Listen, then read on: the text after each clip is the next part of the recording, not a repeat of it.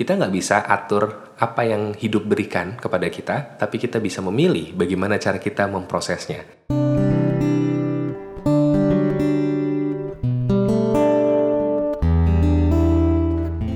Hai, I'm Wisnu Kumoro, and welcome back to Wisnu Kumoro Story Time. Dan di episode kali ini, gue pengen cerita kepada kalian semua tentang overthinking. Jadi, ini gue rekam pagi-pagi, dan tadi malam gue mengalami sebuah overthinking. ini overthinking yang agak konyol sebenarnya. Ya, seperti selayaknya overthinking pada umumnya, memang konyol.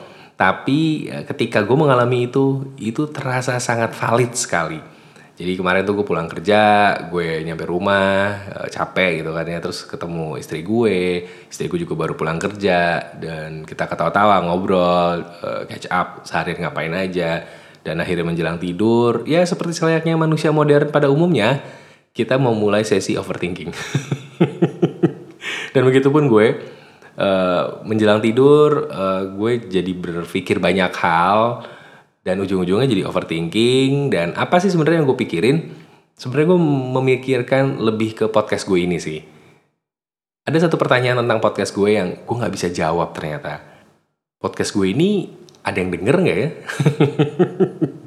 Mungkin sebuah pertanyaan konyol ya uh, buat yang mendengarkan. Karena artinya kan kalian dengerin ada yang dengerin gitu. Tapi uh, maksud gue di sini adalah apakah yang mendengarkan itu sesuai dengan ekspektasi gue sebagai si pembuat podcast? Baik dalam hal jumlah maupun juga dalam hal message-nya nyampe atau enggak kemudian seperti apa pendengar gue. Dan juga sebenarnya ujung-ujungnya tentang gue mempertanyakan kualitas dari konten yang gue buat di podcast ini karena kalau dilihat dari prestasinya podcast gue ini ya pernah lah masuk ke trending chartnya Spotify gitu pernah episodenya pernah masuk. Bukan prestasi yang wow banget apalagi kalau mengingat gue pernah punya podcast di mana podcast gue itu dulu bahkan pernah sampai chart nomor 6 di trending podcastnya Spotify. Jadi kayak beban gitu entahlah gue nyebutnya apa ya tapi ada semacam komparasi. Setiap gue overthinking, gue melakukan komparasi dan ujung-ujungnya sama. Gue jadi mempertanyakan konten yang gue bawakan ini apakah memang disukai atau tidak, bermanfaat atau tidak. Dan sebenarnya pertanyaan-pertanyaan itu punya dampak secara langsung bahkan ya ke kepercayaan diri gue sebenarnya. Uh, ya karena kan gue bikin konten ini nih Wisnu Kumoro Storytime ini untuk gue bercerita. Tapi pertanyaannya siapa sih yang mau dengerin cerita orang antah berantah ini yang namanya Wisnu Kumoro? Uh, siapa yang mau dengerin cerita gue gitu? Orang mungkin juga nggak banyak yang tahu siapa gue. Tiba-tiba gue main cerita aja. Ya gue paham sih, gue paham tentang hal itu.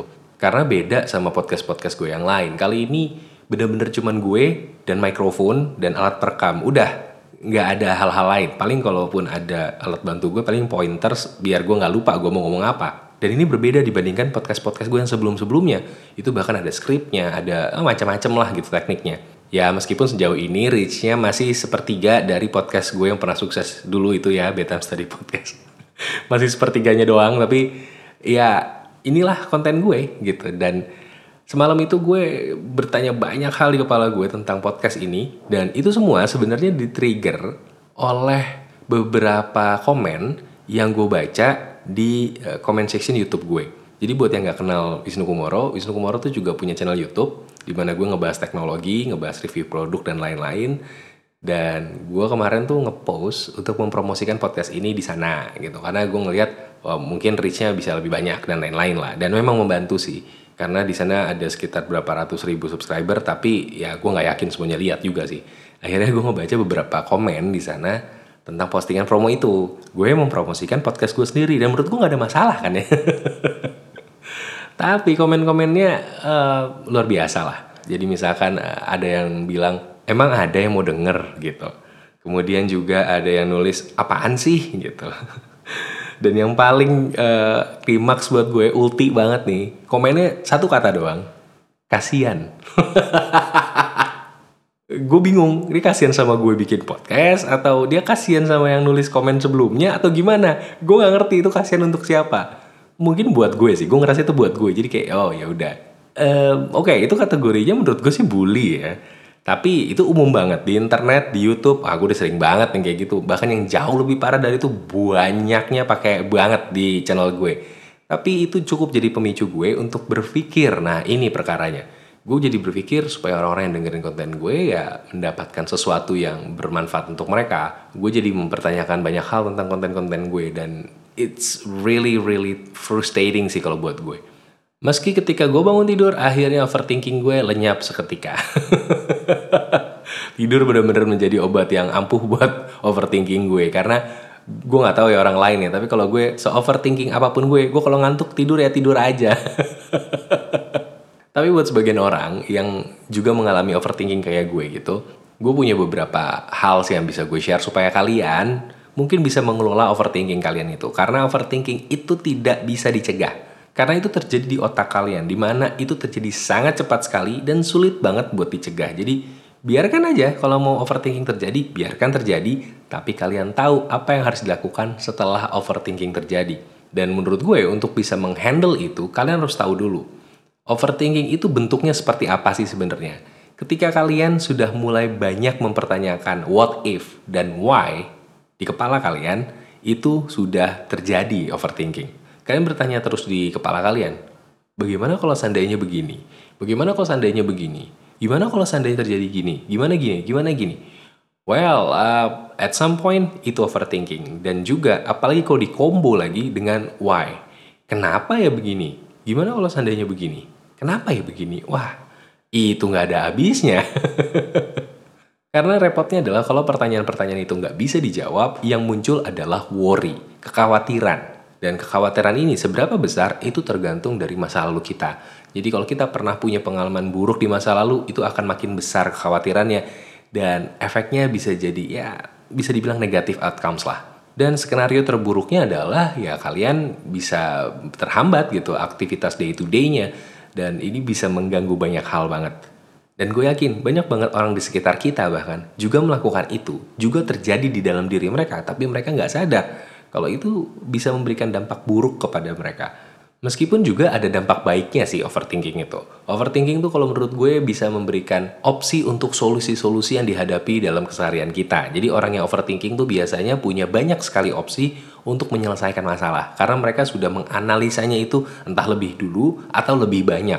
Jadi kalau tanya ke orang yang overthinking biasanya uh, opsinya udah banyak nih. Kalau ada masalah gini, begini, begini, begini, begini gitu. Dan orang yang overthinking juga biasanya adalah orang yang aktif mungkin tidak aktif secara ini ya, secara fisik gitu. Mungkin bukan orang yang suka olahraga atau apa, tapi mereka aktif untuk berpikir. Jadi sebenarnya mereka tidak malas orangnya, hanya mereka menghabiskan energinya untuk hal yang sama berulang-ulang dan berulang. Dan ini yang menimbulkan keletihan di pikiran mereka. Dan kalau dilihat dari dampak positifnya, sebenarnya kita udah bisa menemukan beberapa poin bagaimana cara menghandlenya. Tadi kan gue bilang kalau orang yang overthinking itu adalah orang yang aktif, Artinya adalah banyak energi di dalam dirinya dia sebenarnya, paling nggak di dalam pikirannya dia. Dan kalau itu bisa di channeling, bisa diteruskan ke hal-hal yang positif juga, itu bisa mengurangi overthinkingnya. Misalkan ya jadi orang yang rajin olahraga, atau orang yang mungkin main catur gitu, kalau emang males jalan-jalan ya, atau berenang, atau apa kayak gitu, menghabiskan energi lebih banyak supaya pikiran juga bisa lebih stabil. Tapi juga itu harus diimbangi dengan perubahan mindset kalau menurut gue. Jadi aktivitas fisik plus perubahan mindset. Mindset yang perlu dirubah supaya bisa ke handle lebih cepat overthinkingnya adalah sebuah fakta bahwa berpikir sekali atau beberapa kali sebenarnya itu cukup aja. Nggak usah terlalu banyak. Cukup satu atau ya dua atau tiga kali dipikirkan. Udah cukup. Karena mau dipikirin berulang-ulang sekalipun tidak akan membawa perubahan yang signifikan. Kalau mau ada perubahan yang signifikan, dipikir ulangnya dikasih jeda waktu. Kalau dipikirnya di satu waktu yang sama berulang-ulang, tidak akan ada jawaban baru. Karena selama kita belum mendapatkan input atau data baru untuk pemikiran kita, ya kita nggak akan mendapatkan result yang berbeda gitu. Jadi kasih waktu, jeda, supaya ada informasi atau data baru yang kita terima sehingga nanti result dari pemikiran kita bisa berbeda dan kemampuan orang untuk bersabar untuk memberikan jeda waktu di saat dia harus mendapatkan sebuah solusi, inilah yang disebut seni untuk mengambil keputusan. Mengambil keputusan kadang-kadang lebih dari sekedar pemikiran logis, tapi juga ada kesabaran, ada teknik-teknik lainnya yang bisa membantu pengambilan keputusan yang lebih oke. Okay. Jadi saran gue, kasih badan lo, kasih otak lo, kasih hati lo, itu waktu untuk istirahat terlebih dahulu untuk nantinya dipikirkan kembali. Cukup berpikir satu atau dua atau tiga kali lah maksimal. Ketika tiga kali dipikir hasilnya masih sama, ya kasih jeda dulu aja beberapa waktu yang kalian bisa, kemudian pikirkan kembali. Tujuannya biar nggak overthinking, karena kalau udah overthinking bisa ke mana-mana dampak buruknya. Dampak paling buruk yang gue hindari dari overthinking adalah menyalahkan diri sendiri, self-blaming. Ini adalah akar dari berbagai penyakit mental akar dari banyak sekali kerusakan yang ada di otak manusia gitu. Jadi eh, itu adalah hal yang paling gue hindari. Tapi juga gue menghindari ketika ini membawa kita berpikir jadi menyalahkan orang lain. Itu juga menurut gue nggak sehat. Karena ada juga orang yang akhirnya menghindari self-blaming dengan menyalahkan orang lain terlebih dahulu. Menurut gue itu tidak bijak sama sekali. Karena tidak semua hal harus ada yang salah. Dan tidak semua hal harus ada yang disalahkan. Jadi kenapa nggak tenang dulu, biarin otaknya siap, supaya bisa berpikir lebih dingin, lebih tenang, dan hasilnya juga lebih oke okay kalau menurut gue. Dan itulah yang tadi malam akhirnya gue lakukan. Gue ketika lagi overthinking itu, gue sempet kayak agak down sedikit, uh, memikirkan banyak hal, dan gue agak self-blaming, gue menyalahkan diri gue kenapa ya gue dulu nggak ngelanjutin podcast yang itu aja? Kenapa gue malah bikin podcast baru? Kenapa gue ngerubah konsepnya? Kenapa gue nggak bisa bikin konten yang sebagus teman-teman gue? Nggak bisa bikin konten sebagus orang-orang lain. Kadang-kadang gue bertanya banyak hal seperti itu. Kenapa gue nggak bisa dapat pendengar yang banyak? Kenapa nggak banyak orang yang mau tahu tentang apa yang gue omongin Begitupun tentang konten-konten YouTube gue, kenapa nggak banyak yang nonton, kenapa uh, mereka nggak ngeklik thumbnail yang gue buat, apakah judul yang gue buat itu tidak clickbait gitu. Banyak hal yang akhirnya gue pikirkan dan itu berpotensi sekali untuk melakukan self blaming. Wah gue salah nih, wah gue kurang, oh emang gue nggak mampu, emang sebaiknya gue berhenti aja kali ya. Yaudah lah gue jadi apalah, gue berhenti aja deh gue gitu itu adalah pemikiran-pemikiran yang mungkin muncul ketika gue overthinking. Jadi untuk menghindari pemikiran yang tidak produktif itu, gue melakukan hal yang tadi gue ceritakan. Ya udah, gue mau mikir berapa kali pun tidak akan ada perubahan yang berarti. Kalau gue nggak bisa berubah itu saat itu juga, ya udah, gue berhenti dulu. Gue berhenti berpikir, gue melakukan hal lain. Dan biasanya hal yang gue lakukan adalah entah gue main game, entah itu kalau istri gue masih bangun ya gue ngobrol sama istri gue. Gitu. Kalau dia tidur duluan ya gue main game atau gue nonton YouTube uh, biasanya gue senang nonton uh, science sih. Gue nonton uh, channel-channel science biasanya. Atau gue nonton channel gaming tapi bukan e-sport gitu ya channel gaming yang gue maksud. Jadi channel review game dan game jadul biasanya. Jadi game-game lama. Nah gue seneng tuh yang kayak gitu. Dan pelan-pelan ya abis itu gue ngantuk biasanya Dan ketika ngantuk lebih baik tidur karena tidur itu adalah kondisi di mana otak kita lebih ditenangkan secara alami. Jadi gue lebih memilih kalau bisa dibikin tidur gue tidur aja. Dan terbukti ketika gue bangun tidur, wah saya kembali ceria tanpa overthinking. Dan akhirnya gue kepikiran, ah kayaknya gue bikin konten tentang ini aja.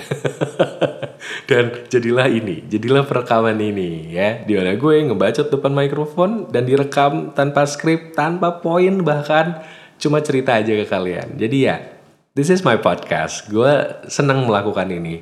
Dan gue harap juga kalian senang mendengarnya. Meskipun nantinya gue akan mungkin ya overthinking lagi tentang kira-kira ada yang denger nggak ya uh, atau memberikan dampak yang bagus kayak ya podcast gue kalian atau apalah gitu ya gue semoga bisa menghandlenya dengan lebih baik lagi dan malah jadi produktif, malah jadi sesuatu seperti podcast ini dan semoga itu juga berlaku untuk kalian. Jadi ketika kalian overthinking, siapa tahu itu malah jadi energi baru karena artinya kalian punya cukup energi untuk memikirkan hal-hal yang berulang-ulang itu. Kenapa kalian tidak alihkan energi itu untuk melakukan hal lain yang bisa membantu produktivitas dan juga kondisi hati kalian atau mungkin jadi energinya disalurkan untuk keluarga atau untuk temen atau untuk apa pun lah, hobi kalian mungkin apa pun itu bisa. Sebagai penutup, gue cuma punya satu quote yang gue pikirkan sudah lama sekali dan menjadi prinsip hidup gue, yaitu adalah kita nggak bisa atur apa yang hidup berikan kepada kita, tapi kita bisa memilih bagaimana cara kita memprosesnya. Input yang diberikan oleh hidup itu diatur oleh alam semesta. Kita nggak bisa milih, tapi bagaimana cara kita processingnya dan jadi apa outputnya, itu semua pilihan kita dan kehendak kita. Hidupmu ada dalam kendalimu. Ya persis sama kayak bagian akhir lirik lagu gue yang jadi diri sendiri. Hidupmu ada dalam kendalimu dan it's true. It's 100% true. Dan sekian untuk episode kali ini. Semoga kalian suka dengan cerita gue kali ini. Sampai jumpa di cerita-cerita berikutnya. Dadah!